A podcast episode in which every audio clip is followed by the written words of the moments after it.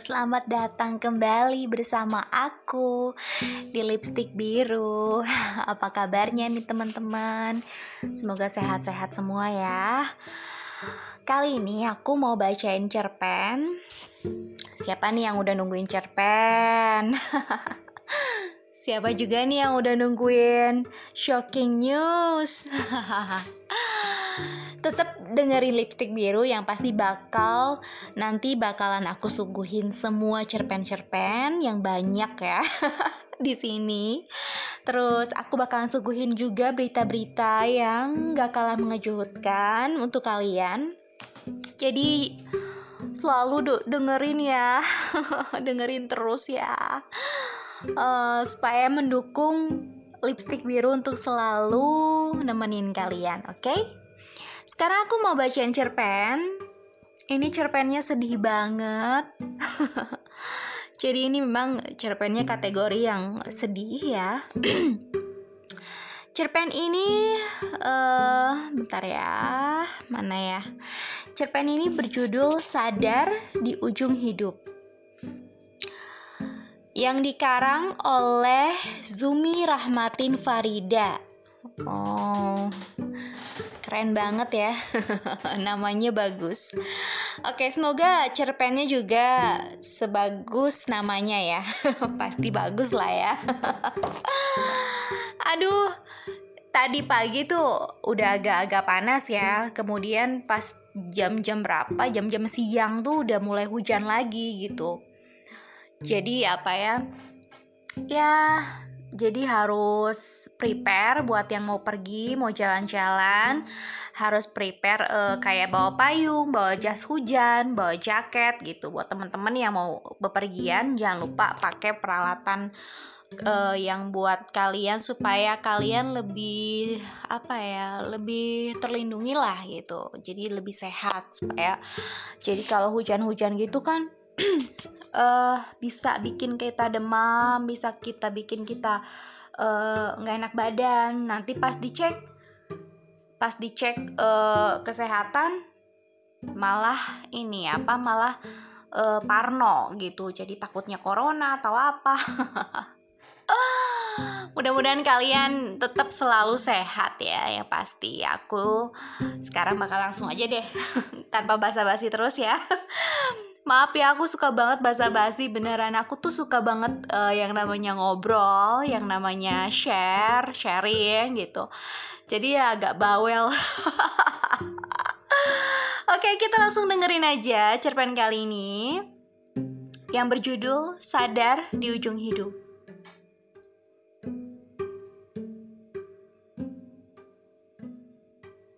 Gadis cantik yang bernama Rahma Rahma dikenal gadis yang suka menolong orang. Rahma ini terlahir dari kalangan keluarga yang biasa-biasa saja. Dan hari ini adalah hari pertama Rahma masuk sekolah di SMP. Oh, anak SMP ya. Dia menjadi pusat perhatian karena dia, dia tuh cantik banget. Cantik dan lumayan lugu jadi dia Rahma ini jadi pusat perhatian pokoknya ya. Kemudian Rahma mendapatkan teman baru yang bernama Resti. Resti juga tidak kalah cantik-cantik juga dengan Rahma. Di mana ada Rahma, pasti ada Resti. Juga mereka selalu bersama. Setelah satu minggu di kelas 7C, Rahma PDKT dengan Lingga. Dan Lingga selalu mengantar Rahma pulang. Akan tetapi Rahma tidak mau diantar sampai depan rumah. Otomatis Lingga pun bingung dan bertanya, Ram, aku antar sampai rumah ya. Rahma menjawab, e, tidak usah Ling, aku jalan aja deh, udah deket kok Ling. Makasih ya Ling, udah udah antar aku. E, iya Ram, sama-sama. Keesokan harinya, Rahma diantar ibunya pergi ke sekolah. Setelah sampai sekolah, Rahma dicium ta cium tangan ibunya dan mengucap salam. Ketika memasuki kelas, Rahma melihat teman-teman sedang asik main laptop, iPad, tablet. dan dia pun bergumam. Andai aku bisa memiliki itu semua, aku pasti bahagia. Ujar, dal ujar dalam hati Rahma. Rahma tidak mau meminjam punya punya teman karena dia gengsi. Setahu temannya, Rahma adalah anak orang kaya. Karena kata-kata yang terucap agak sombong dan suka memamerkan kepunyaannya, kadang dia juga suka mengada-ngada. Rahma memiliki teman yang banyak karena dia sering membelikan tem makan teman-temannya saat di kafe bersama teman-teman bersama teman-teman Lingga bersama teman-teman. Oh, salah. Sorry, kita ulang ya. Rahma memiliki teman yang banyak karena dia sering membelikan makan teman-temannya. Saat di kafe bersama teman-temannya, Lingga datang dan menyatakan cintanya kepada Rahma. Dan Rahma pun menerima cinta Lingga meski tidak setulus hatinya. Tidak setulus hatinya berarti ada keraguan mungkin ya. Ketika sore hari, Lingga akan datang ke rumahnya. Akan tetapi Rahma melarangnya karena malu dengan keadaan rumahnya yang kecil dan kumuh. Oh, jadi si Rahma ini pura-pura dia seperti pura-pura menjadi orang yang kaya gitu padahal dia sendiri sebenarnya eh, biasa-biasa uh, aja gitu. Keesokan harinya Rahmat tidak masuk sekolah karena dia sakit. Lingga dan teman-teman pun datang ke rumah Rahma saat sampai di depan rumahnya. Lingga mengetuk pintu.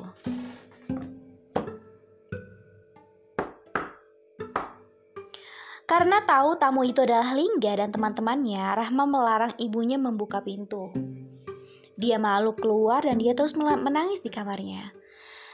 Setelah temannya teriak memanggil Rahma, Rahma, dan tahu Rahma tidak mau keluar, temannya pergi dengan dengan perasaan yang sangat kecewa. Rahma tidak mau sekolah, dia ingin pindah sekolah dan dia malu karena orang tuanya tidak mampu memberikan fasilitas yang baik. Ibunya meminta maaf padanya karena tidak bisa membahagiakannya.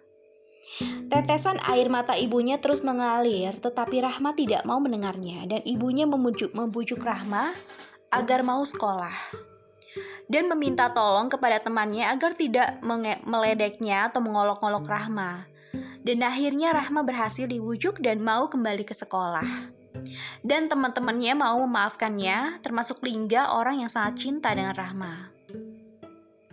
Saat malam hari, Rahma merenungkan kesalahannya. Setelah dia sadar akan kesalahannya, dia minta maaf kepada orang tuanya. Rahma mencuci kaki ibunya dan air bekas cucian kaki ibunya diminum untuk dosa besarnya agar dosanya terhapus. Rahma kembali lagi seperti dulu, Rahma yang baik, cantik, dan tidak sombong. Setelah pulang sekolah, Rahma pulang sendiri.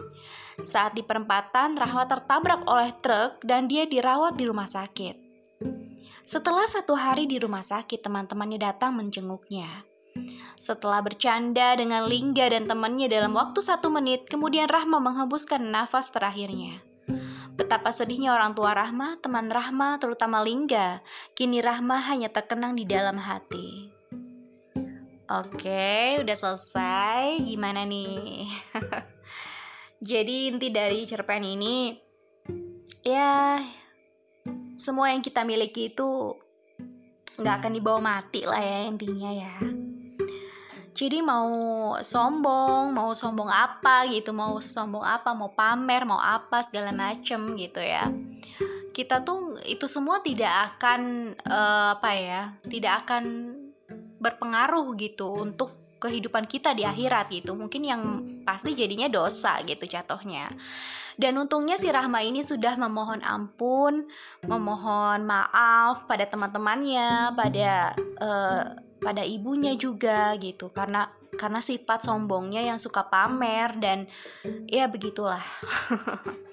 Jadi kehidupan ini.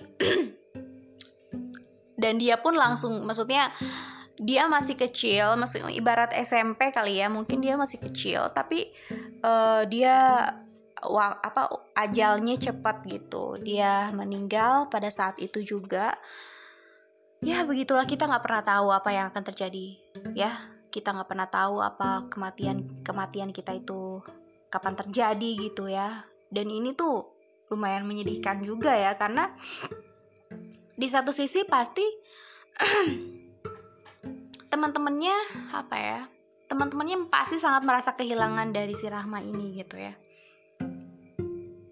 Apalagi ibunya gitu pastilah.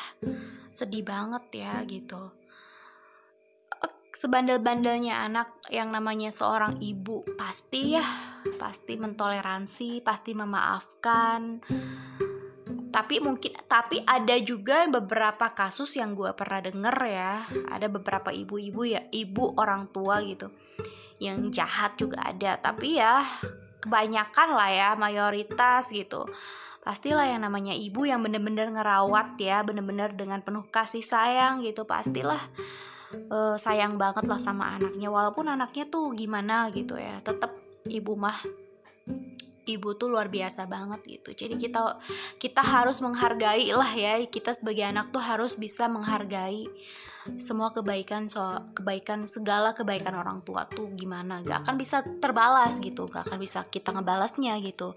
Jadi se seusaha mungkin lah kita jangan sampai uh, apa ya namanya jangan sampai membuat beliau sedih gitu Oke, sampai sini dulu di lipstick biru. Gimana cerpennya? Lumayan menarik. Semoga kita bisa memetik kesimpulan dari beberapa uh, penggalan cerpen yang barusan aku bacain. Ya, semoga kita menarik hikmahnya juga. Oke, sampai sini lipstick biru. Sampai ketemu di lipstick biru selanjutnya. Bye bye.